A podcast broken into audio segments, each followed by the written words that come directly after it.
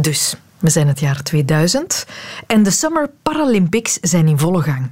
En in de finale, basketbal voor mensen met een verstandelijke beperking, neemt Spanje het op tegen Rusland. Spannende finale die uiteindelijk gewonnen wordt door Spanje. 87-63. Olé. Er is een foto van die overwinning.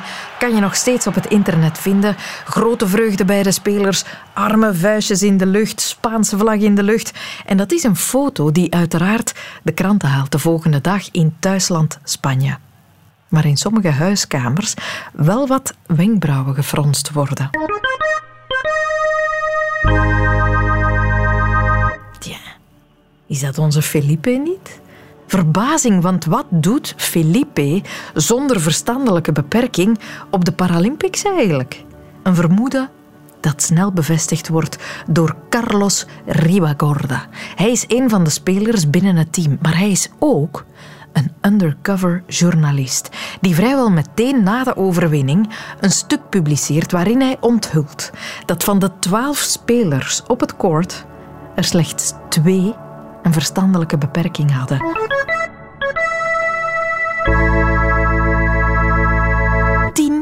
Spelers deden alsof.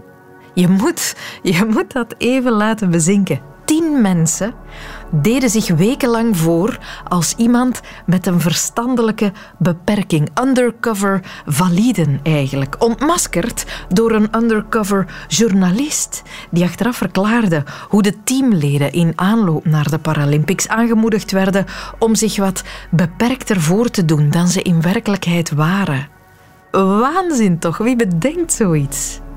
Het is goed dat hij er was, die Carlos, want hoe, hoe schandalig is dat eigenlijk niet?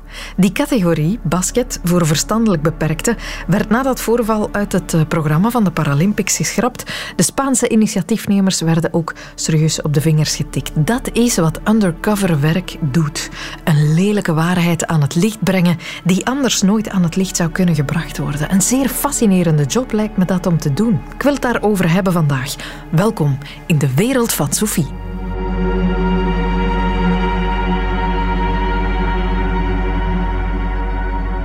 Een fascinerende job, maar geen gemakkelijke. Dat wist Martijn van Steenbrugge ons ook te vertellen. Jarenlang spoorde hij voor de gerechtelijke politie voor het vluchtige criminelen op. Niet onder zijn eigen naam, maar onder het pseudoniem Martin Bloemperk.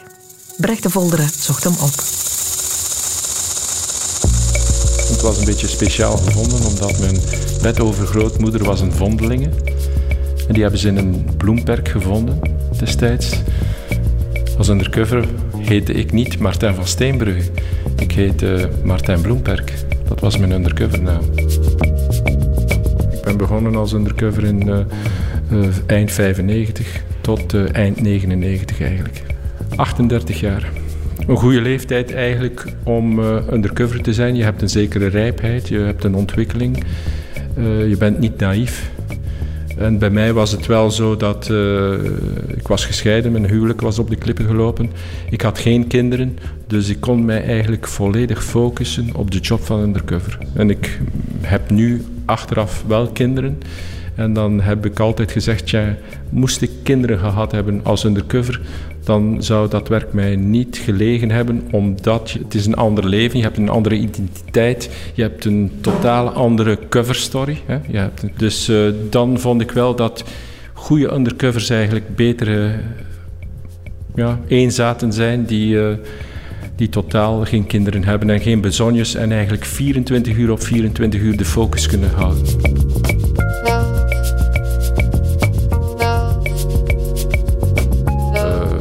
Met, uh, met uh, tatoeages, met heel lang haar, uh, die aan bodybuilding deden, die goed gespierd waren, die camionneur speelden. Hè. dan had je mensen zoals ik, die, die wat meer art als artiest uitzagen, wat meer bohemien, wat soms meer, meer zakenman eruit zagen. En die werden dan... ja, als undercover heb je inderdaad een appartement of een woning. Maar die moet je niet echt uh, zelf gaan kiezen. Er staat een, uh, een, groep achter u met coördinatoren die voor u uh, het pad uittekenen. Kwestie van logistiek, identiteitskaart, reispas, ja, van alles. dat wordt, daar wordt wel goed voor gezorgd natuurlijk. Je staat niet alleen daarin. Als je naar een contact gaat, heb je eerst een uh, briefing waar de operatie wordt uitgedaan, welke opdracht je krijgt in, die, in, die bepaalde, uh, in dat bepaald contact met de criminelen.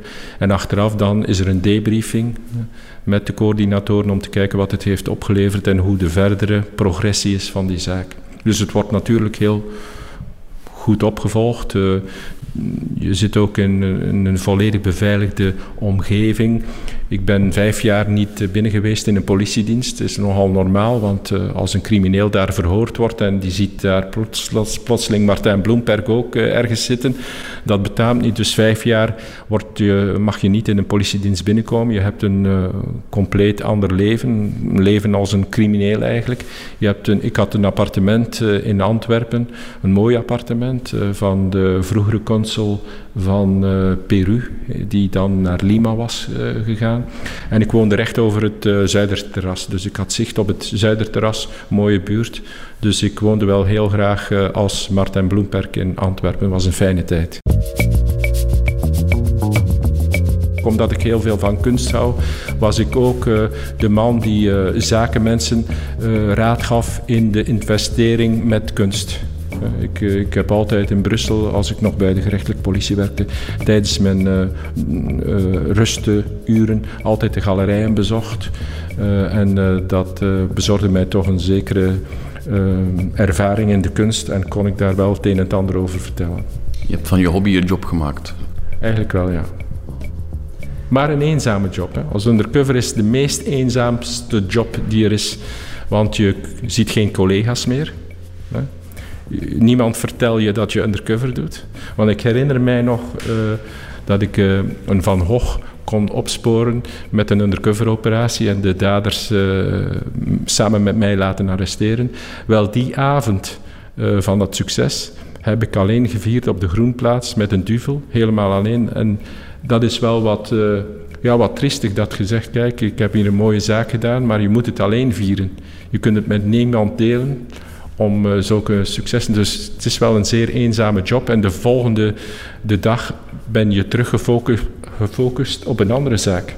Het is zoals een topsporter zegt: Ja, uh, ik heb mooie overwinningen geboekt, maar ik heb er te weinig van genoten. En dat gevoel heb ik ook achteraf. Nu kan ik er wel op nakijken, op, al die avonturen, maar op die jaren zelf waren niet zo vreugdevol eigenlijk. Je bent zo gefocust dat, uh, ja, dat het plezier er, er niet altijd bij is en dat je dat vergeet dan op dat moment.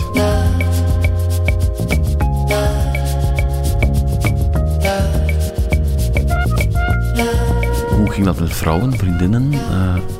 Wel, dat was ook zoiets. Uh, uh, in het uh, undercoverwerk, in de infiltratie, kwam je uh, dames tegen natuurlijk. Hè. Ik heb ook tegengekomen dat ik, in, het was ook in het kader van een kunstzaak, dat ik een Mo Modigliani, een, mooi schilderij van Modigliani, een zeer duur schilderij.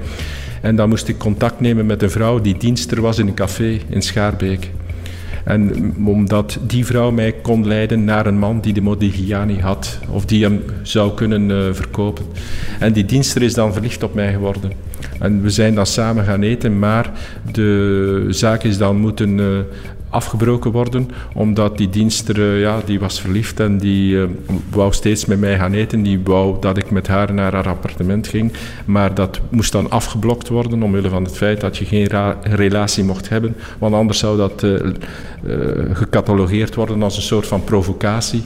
En dat werd dan, die zaak werd dan stilgelegd. Ik heb die Modigliani dus niet kunnen terugvinden omwille van het feit dat, dat daar uh, de zaak werd afgeblokt omdat je niet mag ja, een relatie aangaan in je infiltratie. Dus dat, uh, dat vond ik wel geen goede zaak, want dat stelt je niet in staat om, om tot het einde te gaan. En het was ook zo bij de infiltratie, ik heb dan twee jaar geïnfiltreerd in het Antwerpse milieu, in het, en een beetje te bon chic, bon genre. Uh, de, de, de criminelen met de Porsche en, en zo. En uh, daar ging ik altijd alleen. En dan werd ik natuurlijk bevriend met die criminelen. En het gebeurde dan dat ze zeggen: Ja, Martijn is weer alleen. We gaan, hem, we gaan een paar vrouwen meenemen. dat hij tenminste ook een relatie heeft. Maar je moest dat dan altijd afblokken, hè, want je mocht geen relatie aangaan met die vrouw. Dat was wel een beetje sneu eigenlijk. En dat was niet altijd ten voordele van de zaak. Nee, dat werd, uh, dat werd niet toegestaan in het criminele milieu. Het is zo, zo, dat ik wel naar parties ging en dat ik dan een vrouw moest meenemen. Uh, wij hadden dan in ons undercover team geen vrouwen. Dus er moest een undercover vrouw komen van de Poolse politie. Ja, echt waar. Uh, die vrouw dan, die mocht ik niet uitkiezen. Die was dan uh, 1,85 meter, was een berin van een vrouw. Die ja, paste totaal niet bij mij. Want dan moest ik uh, daarmee naar een party gaan. Dat was niet... dat waren dure operaties, want die moest dan van Polen komen met twee coördinatoren. Hotelkamer, vliegtuigreizen voor soms één feestje. Ja, tijdens de criminele contacten is het wel zo dat je creatief moet zijn. Hè. Je moet op je benen vallen, je moet uh, ad rem zijn. Maar inderdaad, uh, het is niet zoals James Bond. Alles wordt uh, goed opgevolgd. je moet nadien na je contacten volledig waarheidsgetrouw rapport schrijven. Natuurlijk, alle contacten zijn gewone babbels. zo gemakkelijk is het eigenlijk. iedere undercovers hebben eh, contacten veel in restaurants en cafés en op, op openbare plaatsen. Eh, ik heb mij zelfs voorgesteld nu met de coronatijd hè, dat het een zeer zwarte periode was voor undercoverwerk, want je kunt elkaar niet ontmoeten. Ik vraag me af hoe ze die zijn doorgekomen.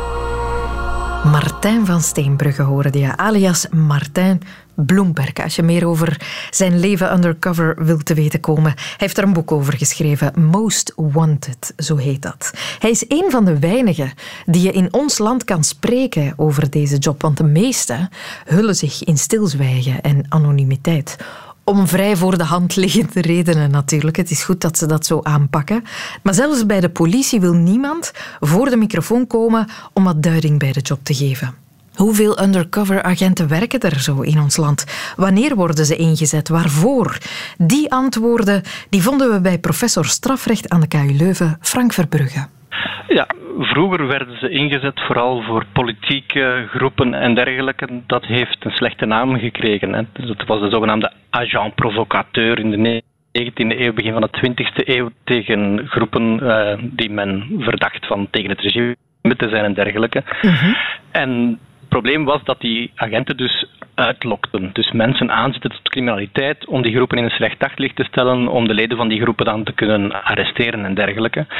En daar is een soort taboe opgekomen dat men zei, ja, dat is rechtsstatelijk uh, niet correct, dat de overheid zelf mensen tot criminaliteit aanzet om ze te kunnen betrappen. Mhm. Dus daar is gedurende vele decennia een soort taboe op geweest. Dat werd ook geassocieerd met foute regimes, zoals het Tsaren regime en daarna de communistische regimes die hun eigen bevolking misleiden en bespieden en proberen te betrappen uh, door ze te bedriegen en dergelijke. Mm En het is pas van de, vanaf de jaren 70 dat het eigenlijk teruggekomen is. Uh, overgewaaid uit de Verenigde Staten en dan vooral in de strijd tegen de drughandel.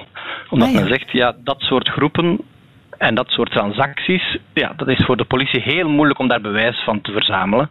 En misschien, ja, kleine dealers kan je betrappen, maar als je naar de grote vissen wilt, dan moet je echt kunnen doordringen tot die groepen, die zichzelf natuurlijk heel goed afschermen. Ja. En zo is het concept van infiltrant, want wij spreken niet van undercover. Undercover is de Amerikaanse term. Hè. Dat verwijst mhm. naar de dekmantel, de valse identiteit die mensen gaan gebruiken om in die milieus binnen te geraken. Uh, maar bij ons is de infiltrant eigenlijk in de jaren 70 teruggekeerd. Alleen dat is dan fout gegaan, want er was geen duidelijk wettelijk kader. Dus het was een beetje een experiment binnen de politie. Daar zijn ah. fouten gemaakt, daar gingen drugs verloren. Fouten ging men drugs zoals?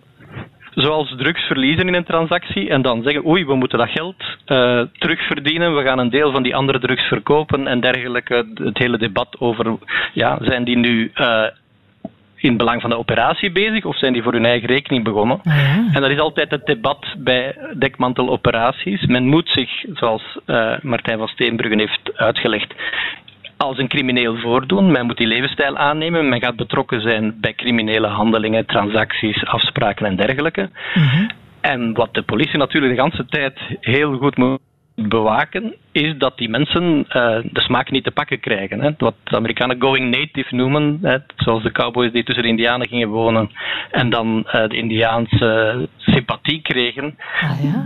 Men wil vermijden dat iemand in het crimineel milieu ja, de smaak te pakken krijgt. Dat je zegt, ja, daar wordt af en toe een lijn kook gesnoven. Die agent moet meedoen, want anders valt hij uit de toon. Hè. Dat is aangegeven. De druk op zo'n mensen is groot. -hmm. En dan is de vraag, ja, zijn we nog zeker dat we die agent kunnen betrouwen? Werkt die nog voor ons of is die misschien overgestapt en speelt die een dubbelspel? Dat is de grote vrees die men bij infiltranten heeft. En daarom, naast het fysieke gevaar natuurlijk, hè, want als zo'n mensen ontdekt worden, uh, kan hen van alles overkomen en zelden iets goeds. Naast dat fysiek gevaar is dat wat men noemt het morele gevaar. Dat die mensen de smaak te pakken krijgen en uiteindelijk uh, te diep in de criminaliteit geraken. Mm -hmm. Mm -hmm. En in sommige landen, in Nederland bijvoorbeeld, heeft men ook grote schandalen gehad. Wij hebben in de jaren 70 schandalen gehad, daarom is het taboe bij ons toch tot de jaren 90 gebleven. En dan is het met wet geregeld. In Nederland heeft men ook grote affaires gehad. De zogenaamde IRT-affaire, daar heeft men een heel parlementair onderzoek uh, over gehad, dat live op tv was omdat men vaststelde dat die undercover-operaties, zeker met burgers, uh, dus uh, niet-politiemensen, dat die heel ver gingen. In Ah. Nederland was het opzet dat men probeerde bij de top van de drughandel te geraken. En zegt, ja, dat kleine grut, dat vangen wij altijd, maar dat wordt vervangen. Wij willen naar de top van de piramide gaan. En hoe gaan we dat doen? We gaan iemand die voor de politie werkt, dus iemand uit het milieu, gaan we steunen, beschermen, uh, een hand boven de hoofd houden, een beetje helpen hier en daar, zodanig dat die binnen het milieu succes heeft. En als die succes heeft, zal die dichter en dichter bij die top geraken. Die maakt eigenlijk carrière binnen de criminele piramide. En zo kan hij dicht bij de top geraken en dan kunnen we bewijzen vinden tegen die hoog Mhm. goed afgeschermde mensen die zelf nooit dicht bij de drugs komen en waar je dus alleen via tussenpersonen bijgeraakt of bewijs gaat kunnen verzamelen. Ook een Maar moeilijke het probleem was dat, ja, het probleem was natuurlijk dat de facto de Nederlandse politie, of een deel daarvan, want het, niet, iedereen, niet iedereen binnen de politie was het daarmee eens, uh, zo is het ook uitgekomen, dat een deel van de politie eigenlijk de drughandel stimuleerde of minstens afschermde. Ja, maar ja. En dat critici zeiden, ja, de Nederlandse overheid is op een bepaald moment een van de grootste drughandelaars van Europa geworden. Met de be beste bedoelingen, maar de vraag is hoe ver kan je daarin gaan? Is dit nog proportioneel? Gaan we niet te ver?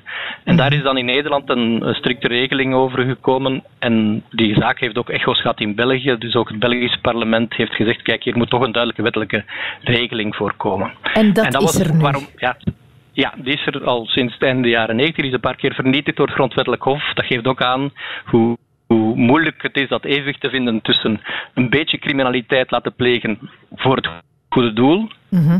in de hoop grotere vissen te pakken, en te ver gaan en de staat die eigenlijk criminele activiteiten niet alleen gedoogt, maar echt wel organiseert. Ja, ja. En, en een type voorbeeld is bijvoorbeeld een, een uh, wat een frontstore heet. Hè, dat je een bedrijfje opzet dat diensten verleent aan de criminaliteit. Bijvoorbeeld, ik zeg nu maar, geëncrypteerde telefoons of iets dergelijks.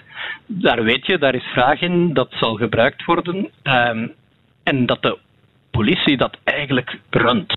Dus Mhm. men doet zich voor als een crimineel bedrijf en krijgt zo heel veel zicht op um, al wat er gebeurt aan communicatie binnen bepaalde groepen bijvoorbeeld. Ja. Vooral duidelijkheid, ik wil niet zeggen dat dat bij Sky ICC, want daar denken de meeste mensen nu misschien aan Ik dacht er dat ook dat daar het geval dat, dat dat het geval was, maar in, in de Verenigde Staten en in Mexico heeft men dat al gedaan. Dus telecombedrijfjes die door de politie opgericht waren, omdat men wist dat het crimineel milieu zijn eigen netwerk wilde gebruiken. En zo konden men uh, met alles meeluisteren. Ja, ja, ja. U, u, merkt dat de technieken zijn eigenlijk dezelfde of afkomstig van degene uit de inlichtingendiensten, dus de spionagewereld. Maar natuurlijk de logica bij het gerecht is anders. Want normaal is de bedoeling van de politie om bewijs te verzamelen om uiteindelijk voor de rechtbank te komen. Terwijl inlichtingendiensten soms jarenlang elkaar in doog houden en van elkaar weten waar men mee bezig is, zonder de bedoeling om die dekmantel dan op te blazen bijvoorbeeld. Dan Mhm. mm -hmm. moet er iemand nieuw gestuurd worden.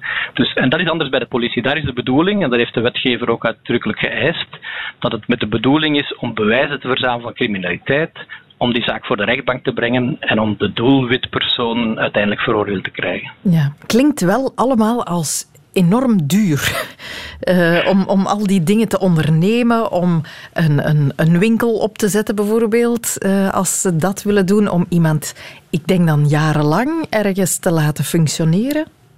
Ja, dat is ook een van de debatten. Hè. Bij ons is de traditie, ook om veiligheidsoverwegingen, om geen al te lange operaties te doen. Want het gevaar, zowel fysiek als moreel, dus dat iemand uh, de smaak te pakken krijgt of dat men de controle over mensen verliest, of zoals in Nederland dat men te lang aan criminele zaken meewerkt voordat er dan uiteindelijk een slag geslagen wordt, dat speelt. En, en daarom dat de magistraten bij ons die, die operaties altijd moeten goedkeuren en verlengen en dergelijke, meestal redelijk streng zijn. Dus eh, zo zaken van deep cover van jarenlang zijn eerder uitzonderlijk uh, bij ons, voor zover wij weten. Mhm. Omdat ze inderdaad zo duur zijn, omdat ze heel veel eisen van mensen, dat heeft u daarnet ook gehoord. Ja. Uh, omdat sommige groepen, uh, ja, je kan dat niet dulden als je daar iets over weet, dat die nog jarenlang voortdoen. Denk aan terreurzaken, ja, daar moet je soms een zaak, dat dan heet afbreken, omdat je vaststelt dat misschien gaan er mensen in gevaar zijn als we te lang wachten. Dus we hadden liever nog wat langer meegekeken, hadden we ongetwijfeld nog meer informatie gehad. Maar af en toe moet je operaties afblazen of uh, een cover mm. ja, mm-hmm. bekendmaken, omdat men zegt, ja, er is een hoger doel, er zijn mensenlevens in gevaar. Mm. Men probeert natuurlijk op andere manieren daarop te lossen. Hè. Dus uh, door, door, de wetgeving laat uitdrukkelijk toe om de identiteit en de operatie te beschermen. Dus het zou wel eens kunnen dat een toevallige burger iets gezien heeft en dan belt naar de politie en dat men zo toch uh, bijvoorbeeld iemand kan waarschuwen dat zijn leven in gevaar is en dergelijke zonder dat men dat verband kan leggen met die undercoveragent uh, die in die organisatie zit, bijvoorbeeld. Mm -hmm. Dus het is een echt schimmelspel vergelijkbaar met, die, met de wereld van spionage, ja. waar men heel veel moet liegen voor het goede doel. En daar komt het op neer. Een beetje vals spelen. Hè. Men gebruikt valse identiteiten.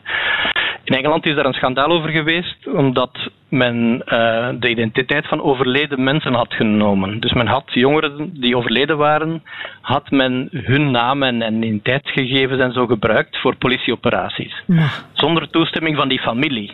En dat is jaren later uitgekomen en die families waren natuurlijk razend.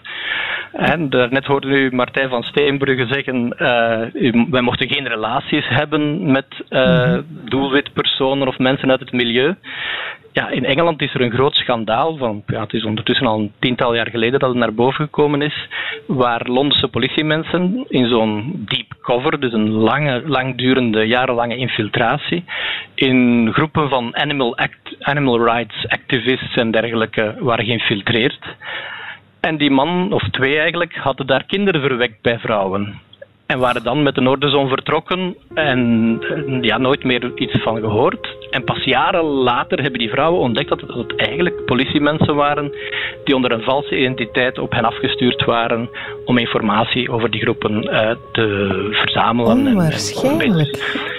Ja, in, in, Engeland is dat een vrij groot schandaal. Dus de Londense politie heeft daar uh, processen uh, over moeten voeren. Ja, en ja, die kwamen daar niet goed uit, omdat men zegt, ja, die grenzen trekken, dat is het moeilijke. Die mensen moeten vaak improviseren. Um, en, en, dat is al moeilijk en dan ga je soms foute keuzes maken. Mm -hmm. Maar hoe langer die operaties duren, ja, hoe meer er moet gelogen worden en hoe meer ook de vraag rijst van ja, is het dit allemaal waard? Zijn we niet te ver aan het gaan? Frank Verbrugge, professor strafrecht aan de KU Leuven. In het Zweeds bestaat er een werkwoord voor het journalistieke undercoverwerk. Walraffa. Ik weet niet hoe Zweeds dat klinkt, maar uh, vrij vertaald is dat walraffen. Genoemd naar Gunther Walraaf, de spraakmakendste undercoverjournalist van onze kontrijen. In de jaren 70 vermomde hij zich en ging werken als portier, als spion, als dakloze, als beeldreporter en als Turks gastarbeider. Telkens om het onrecht aan te klagen dat die mensen werd aangedaan. Hij schreef daar ophefmakende reportages over en boeken, bracht daarmee ook zijn eigen leven in gevaar. Journalist Terry Verbiest sprak met Gunter Walraaf in 2001 voor het programma Spraakmakers, was dat op Canvas. Hij herinnert zich dat gesprek nog alsof het gisteren was. Gunter Walraaf was, was de journalist die wij allemaal hadden willen zijn, eigenlijk. Ich weiß heute, wer ich bin. Das wusste ich lange Zeit nicht. Walraaf was iemand die zich zo vastbeet in zijn materie en zich zo letterlijk inleefde in de materie dat hij een rol ging spelen in het verhaal dat hij wou behandelen. Hij was de meest participerende journalist die er in mijn ogen ooit bestaan heeft, zeker in Europa. Ik heb er altijd een, een, een, een fascinatie ook voor gehad en, en dan mocht ik hem gaan interviewen. En? Ja, dus waar hij woonde was dus het, het huis van zijn grootvader. Uh, dat was in uh, dat is een, een wijk van Keulen. En ik herinner me, ik kon er een trap op, ik kwam helemaal boven en dan was het gedaan, dan was daar niks meer. Dus ik stond daar op een overloop die dicht was. En met een spiegel en een boekenkast en dat was. En dan ging die spiegel open en alle Anne Frank kwam hij daar dan uit. Goedendag. Hallo, welkom in mijn versteek. Dankeschön. Hij wou niet alleen maar schrijven over onrecht, want hij was geweldig gefascineerd door onrecht. Hij wou daar niet alleen maar over schrijven, hij wou dat meemaken. Van binnenuit, van onderuit. Uh, van onderuit is dan ook eigenlijk uh, de, de, de titel van een van zijn bekendste boeken dat hij erover geschreven heeft, Gans Unten, dus helemaal onderaan. Uh, dat dan in het Nederlands vertaald is als Ik Ali, waarin hij kroop in de huid van een Turkse gastarbeider. Ik spreek nu over de jaren 80, 85 moet dat geweest zijn. Maar ongeveer, want hij heeft daar twee jaar, is daar twee jaar mee bezig geweest. En hij schminkte zich, hij vermomde zich als Turkse gastarbeider. En hij heeft de smerigste en de vuilste jobs gedaan die je maar kunt inbeelden. Vooral in Duitsland, in het Roergebied. En hij heeft op die manier, had hij dus elke dag materiaal om over te schrijven. Uh, hij is ook notoire geworden uh, omwille van... Hij deed dezelfde truc, maar dan niet vermomd als Turkse gastarbeider, maar als uh, een man genaamd Hans Esser. En zo is hij bij Bildzeitung binnengeraakt. Bildzeitung, dat was een sensatieblad. Dat werd gelogen tegen de sterren op. Dat werd de mensen verdacht gemaakt en aangevallen. Dat was smeerlapperij. En hij is daar op die redactie terechtgekomen, omdat hij ook een zeer goed journalist was. En hij heeft daar dan een aantal maanden mee rondgelopen. En dan heeft hem dus het boek geschreven dat in het Duits heet Aufmacher. Dus Aufmacher is zowel uh, waar je je gazet mee opent, de grote kop, als Aufmacher, iemand die de deur open doet en die zegt van kom binnen, kom een keer zien hoe dat het hier zit. Dat was dus een, een woordspeling. Dat waren zijn twee belangrijkste uh, dingen. Maar die man is altijd zo gebeten geweest door een gevoel van rechtvaardigheid. En hij kon niet tegen onrechtvaardigheid. Dat heb ik gemerkt in, in mijn voorbereiding. Maar ook als je iets leest over Kindervalraaf, dan weet je dat wel. Uh, hij kon dat niet loslaten. Hij, hij, hij heeft dat altijd, hij beet zich daarin vast en hij heeft dus nog hij is gaan werken in een koekjesfabriek, een bakkerij, een industriële bakkerij. Hij is gaan werken bij McDonald's, hij heeft toiletten zitten kuisen. Hij heeft, dat, ja, dat, dat, heeft daar heel veel voor opgeofferd. Uh, zijn leven eigenlijk. Was ist all das wirklich wert? Das ist das Leben. das ist das Leben. Äh, der Tod wird noch langweilig genug sein. Es sind Extremsituationen die äh, dazugehören. Hij heeft heel veel processen aan zijn broek gekregen. Om te beginnen met die zwijnen van beeld. Maar uh, hij is nooit veroordeeld geweest. Uh, men heeft hem wel hij heeft veel verwijten naar zijn hoofd gekregen. Waar je, als je het hebt over undercover journalisme, wel. Ja, je kan er niet omheen. Je, je, je liegt en bedriegt. Sowieso, je zegt dat je iemand bent, je bent die niet. Je bent iemand anders. Uh, er was ook kritiek van uh, dat hij eigenlijk hij heeft er ook een rol gespeeld als een, als een, eh, een Afrikaan. En, en waarom laat hij dan de Afrikanen zelf niet aan het woord? Dat soort kritiek kreeg hij geregeld. Maar vooral Bildzeitung heeft hem dus echt proberen te lappen. Heeft dat niet kunnen doen langs juridische weg. En heeft hem dan op andere manieren uh, proberen te lappen. Onder andere met dus te insinueren... Nee, niet te insinueren. Echt gezegd dat hij dus een uh, inofficiële mitarbeider was. En de, de IM's, de inofficiële mitarbeider, dat waren dus de mannen die in de tijd van toen Oost-Duitsland nog Oost-Duitsland was. Dus dat hij eigenlijk een geheim agent was van uh, de Stasi, van de Oost-Duitse zeg maar, politie. En dat was dus niet zo. En hij heeft zich daar jaren moeten tegen verweren. En dus alles wat dat ze aan zijn bloek proberen te, te lijmen hebben, is nooit gelukt, is, nooit, uh, is altijd uh, afgeketst.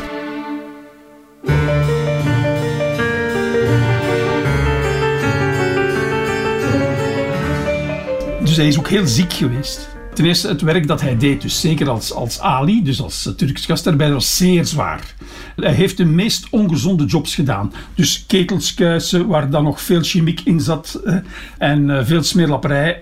Dus hij heeft zijn gezondheid daar recht op spel gezet. En hij heeft daar uh, last van zijn longen gekregen, maar ook aan zijn benen. Hij heeft heel lang uh, niet meer kunnen gaan.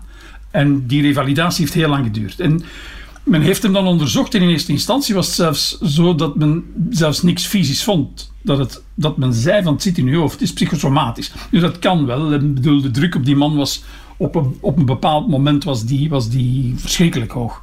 Uh, geen gezinsleven, uh, niemand die je kunt vertrouwen. Er werden vrienden op hem afgestuurd en betaald om hem te bespioneren. En op een bepaald moment is er zelfs een scène waar, dat de, waar iemand dat zegt van ik, ik kan niet meer, ik stop hier. Een van zijn beste vrienden. Een van zijn vrienden in elk geval. ik, ik stop ermee. Ik, ik ben betaald, ik word betaald om, om, om over jou dingen te gaan vertellen. Ja, ja je houdt er iets van over, hè, een zwakke gezondheid. Ich war eher isolierter Einzelgänger. Und ich bin heute, glaube ich, dadurch zu einem sozialen Menschen geworden. Kein Einzelgänger mehr? Nee, ich habe viele Freunde, die äh, mich unterstützen. Also äh, ich bin dadurch, glaube ich, in einem größeren sozialen Zusammenhang und habe ein Urvertrauen gewonnen. Je zou bijna het omgekeerde verwachten. Nee, hij zegt, nu, nu ben ik sociaal, ik heb veel vrienden. Zegt hij zelf ook. Hij is opener geworden, zegt hij zelf. Maar de manier waarop, ik heb dus met hem gepraat daarover en gemerkt dat hij, dat is zo'n zachtaardige mens. Dat was zo'n fijne mens om te interviewen. Uh, zonder haat, zonder wrok, nog altijd niet. Uh, hij heeft mistoestanden rechtgezet. Hij heeft dat als geen ander gedaan. En hij heeft daarmee uh, ja, eigenlijk een, een, ik wil zeggen, een nieuwe vorm van journalisme is het ook niet, want het heeft geen, geen echte school gemaakt. Het, het gebeurt wel meer, maar het heeft nooit meer het niveau gehaald van Wouwraaf, omdat hij onmiddellijk de lat zeer hoog legde.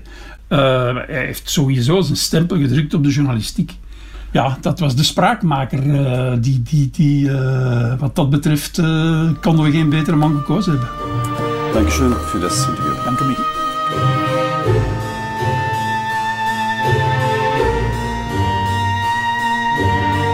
Terry Verbiest over Gunther Walraaf, een van Europa's bekendste undercover-journalisten. De journalist, zoals hij het zelf zei, die alle andere journalisten hadden willen zijn. En Gunther mag dan misschien wel top geweest zijn. Hij was niet de eerste om dit soort werk te doen. De pionier in dit soort onderzoeksjournalistiek leefde 100 jaar eerder in Amerika en was een vrouw. Bart Bogaert. Ze heet Nellie Bly. Mm. Nellie Bly. En dat is een naam die nu nagenoeg helemaal vergeten is, maar ik denk dat het niet overdreven is om te zeggen dat zij eind 19e en nog een klein beetje begin 20e eeuw misschien wel een van de beroemdste vrouwen ter wereld was. Ah ja? Je kan, als je nu goed gaat zoeken in uh, antiquariaten en op rommelmarkten misschien, nog altijd een zeer populair bordspel uit die tijd vinden, dat Round the World with Nellie Bly heet. Rond de wereld met Nellie Bly. Zo bekend was ze. Ja, het is, het is grappig hoor. Het is een soort kruising uh, tussen ja, ganzenspel en met Mens erger je niet, waarin je via 72 vakjes de wereld rond moet reizen. Ik heb hier trouwens een overlijdensbericht uit 1922 van haar liggen. Ze is toen overleden op 57-jarige leeftijd. Een overlijdensbericht uit de New York Evening Journal toch een zeer toonaangevende krant uh, op dat moment. En daarin wordt ze onomwonden omschreven als the best reporter in the world ever. Mm. De beste reporter ter wereld ooit. Dus dat zegt wel wat natuurlijk. Hè. Wat daar vreemd genoeg niet in staat, Sophie, ik vind dat heel eigenaardig, want dat is toch ook een grootse prestatie die ze geleverd heeft. En daar wordt met geen woord over gerept in dat overlijdensbericht. Daar staat dus niet in dat zij ook de uitvinder is van de melkbus. Hoe? Van de, melkbus? Je de, weet het wel, brik? Uh, nee, nee, zo'n zo'n ijzeren vatje van 40 liter uh, om melk ah, te zo. transporteren. Ja, ja, een tonnetje zo. Mo. Een tonnetje, een ijzeren tonnetje. Dat heeft zij uitgevonden. Ik wil maar zeggen, Sophie, we hebben hier te maken met een ongelooflijk veelzijdige vrouw. En uh, haar verhaal begint ergens in 1885. Ze is dan twintig. Ze heet dan ook nog niet Nellie Bly, want Nellie Bly is een nom de plume die ze pas veel later heeft gekregen. Ze heet dan nog Elizabeth Cochrane. En in 1885, op haar twintigste, is ze aan het lezen op een vrije middag in The Pittsburgh Dispatch. Dat is een krant, een lokale krant. Ze is afkomstig uit de buurt van Pittsburgh. Dus een lokale krant waarop ze geabonneerd is. En ze leest daarin een column van een zekere Erasmus Wilson, die getiteld is Women's Sphere. Women's Sphere. En die column die gaat over de rol van de vrouw op de arbeidsmarkt. En die Erasmus Wilson die slaagt erin om vrouwen die werken een monstrosity te noemen. Hij schrijft dat er in de wereld geen grotere abnormaliteit bestaat dan een vrouw met een broek of het moet een man met een rok zijn. Dat soort bavianen. Dat soort bavianen.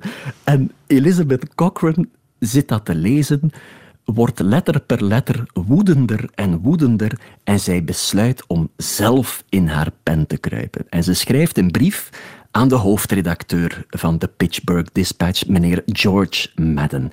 En in die brief ja, schrijft ze over ja, de moeilijkheden die bijvoorbeeld jonge alleenstaande vrouwen op dat moment hebben om werk te vinden door misogyne klootzakken zoals daar zijn, die Erasmus Wilson. Uh, ze kan daarbij ruim putten uit haar persoonlijke situatie. Zij is heel jong al. Uh, op haar zesde is ze haar vader verloren. Die man was niet zo slim geweest om een testament na te laten, waardoor haar moeder met vijf kinderen en negen pluskinderen van die man uit een vorig huwelijk alleen verder moet zien te geraken en dus amper een plek vindt op de arbeidsmarkt. Ze tekent die brief met de naam Lonely Orphan Girl wat zo'n beetje alles samenvat wat zij op dat moment is en voorstelt. Ze voelt zich mm. eenzaam omdat ze geen werk vindt en niet kan doen wat ze wil doen. Ze is wees en ze is natuurlijk een meisje, wat in die tijd een grote handicap is voor iemand die zo ambitieus is als uh, zij was. Die George Madden, die hoofdredacteur dus, die krijgt die brief en die is onder de indruk. Niet zozeer door de inhoud van die brief, maar toch vooral door de stijl, door de journalistieke stijl van dat stuk. En hij plaatst in de volgende editie van de krant Sanderendaags een advertentie waarin hij oproept om aan Lonely Orphan Girl om zich bekend te maken, om zich te melden. En dat doet ze. Dat doet Elizabeth Cochrane en ze mag op gesprek bij George Madden en ze krijgt de kans om een stuk te schrijven Mhm. voor de krant. Dat stuk zal The Girl Puzzle heten. En ja, het gaat over haar favoriete thema's, hè, vrouwenrechten en sociaal onrecht dat ze aanklaagt. En daar komt een tweede stuk van, Mad Marriages. Over echtscheidingen gaat dat dan. En hoe dat in die tijd heel verschillende gevolgen had voor mannen en voor vrouwen ook alweer iets dat ze thuis had gezien. En die George Madden, ja, die raakt ja, verknocht aan die stijl van Elizabeth Cochrane. En hij besluit om niet alleen haar een contract te geven, een vast contract, maar om haar ook, zoals dat in die tijd gewoon was, een nom de plume te geven. Een Ah. pseudoniem, een schrijversnaam. En die schrijversnaam, die haalt hij uit een liedje van Stephen Foster dat op dat moment zeer populair is. Ik waarschuw je, Sophie, je gaat van de rest van de dag geen aanstekelijker oorworm meer horen dan dat liedje.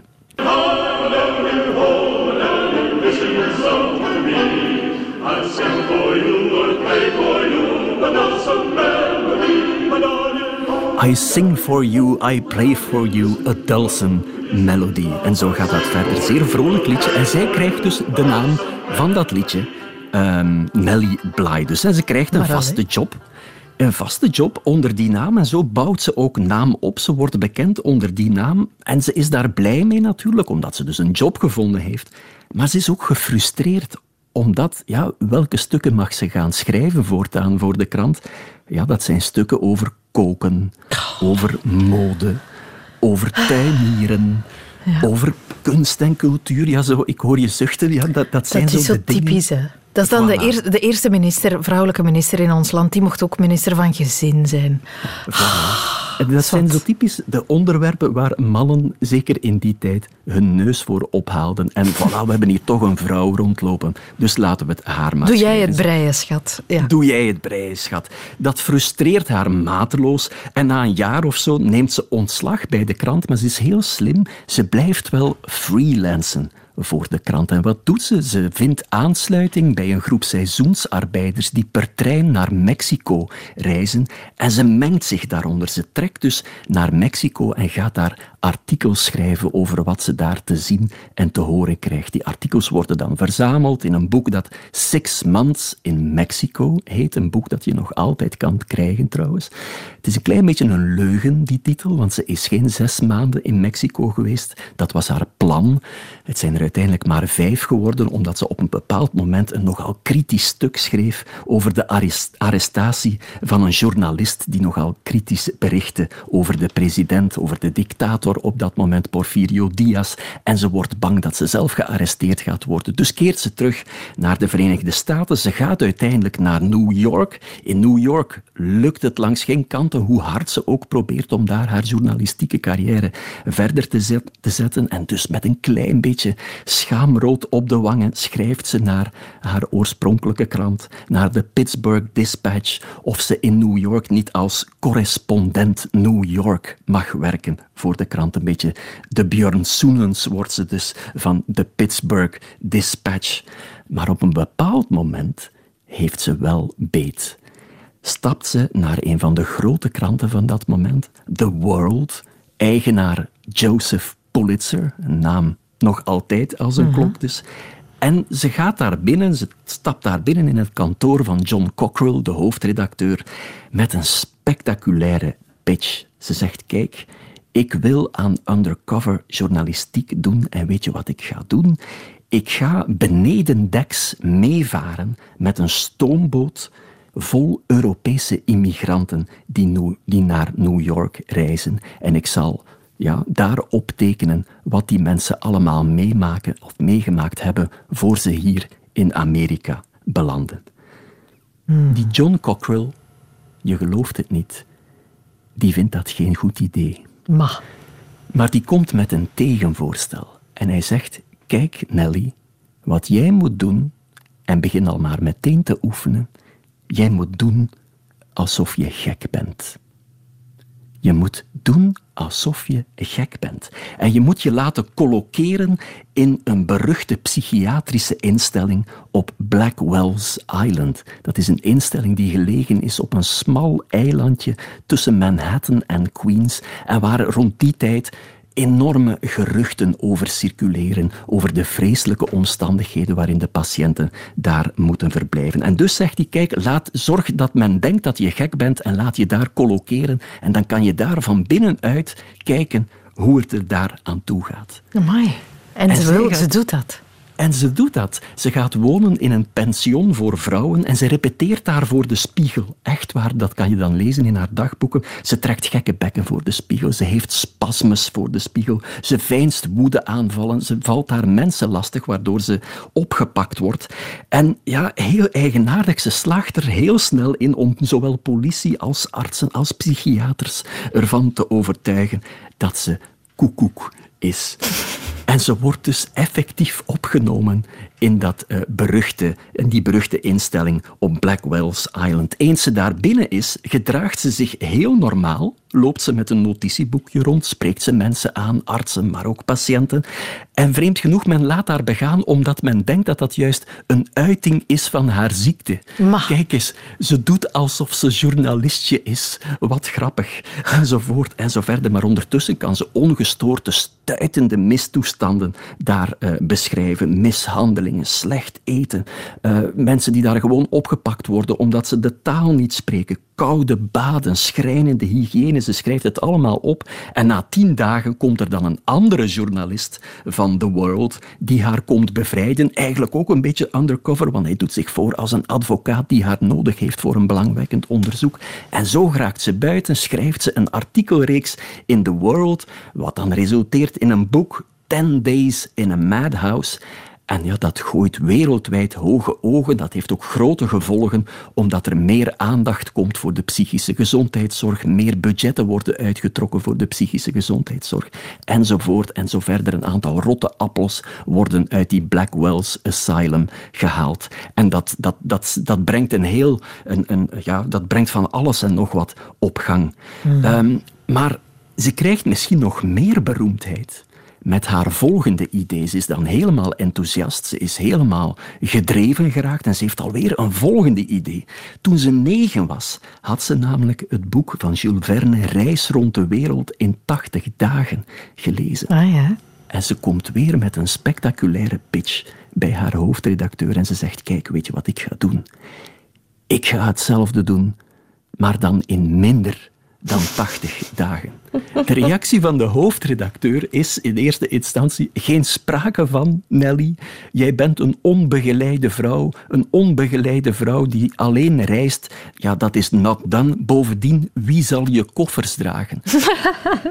maar goed, Nelly Bly is op dat moment al zo'n instituut dat die hoofdredacteur daar weinig nog aan te zeggen heeft. En ze vertrekt dus in 1889 in Hoboken met één jurk, één koffer, wat papier en wat pennen met een zak rond haar nek waarin ze haar weinige geld bewaart. En ze is vertrokken en ze reist per boot en per trein. Eerst naar Engeland en dan naar Frankrijk, waar ze trouwens Jules Verne zelf ontmoet, die een grote fan van haar geworden is door haar verhalen. Van Frankrijk naar Italië, naar Egypte, naar Jemen, naar Sri Lanka, naar Maleisië, naar Singapore, China, Japan. Dan komt ze terug op Amerikaanse bodem in San Francisco en neemt ze de trein helemaal naar het oosten, naar het oosten, terug naar New York. Ze heeft een klein beetje vertraging, waardoor het hele plan dreigt te mislukken.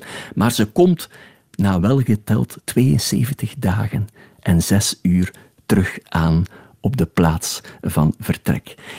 Interessant is dat de grote concurrent van The World, de Cosmopolitan, de concurrentie aangaat en ook een vrouw rond de wereld stuurt met de opdracht probeer het sneller te doen dan in 80 dagen. Elizabeth Bisland. Zij vertrekt op dezelfde dag als Nellie Bly, Mhm. maar zij doet er 73 dagen over. Haha. Dus Nellie Bly wint, De, con- wint de contest en wordt een wereldster. Dat bordspel wordt daar dan van gemaakt.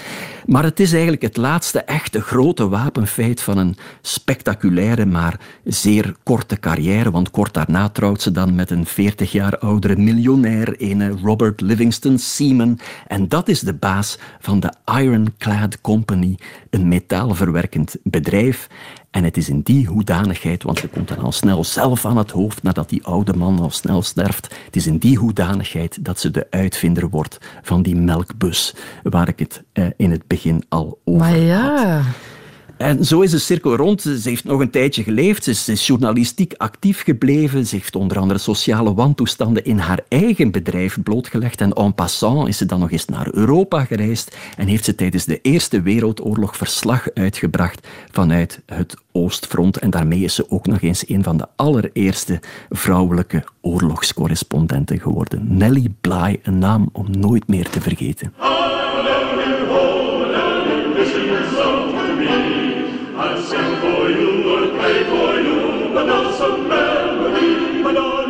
Wat een wonderlijk verhaal, wat een wonderlijk figuur, Nelly Bly. Een nieuwe heldin.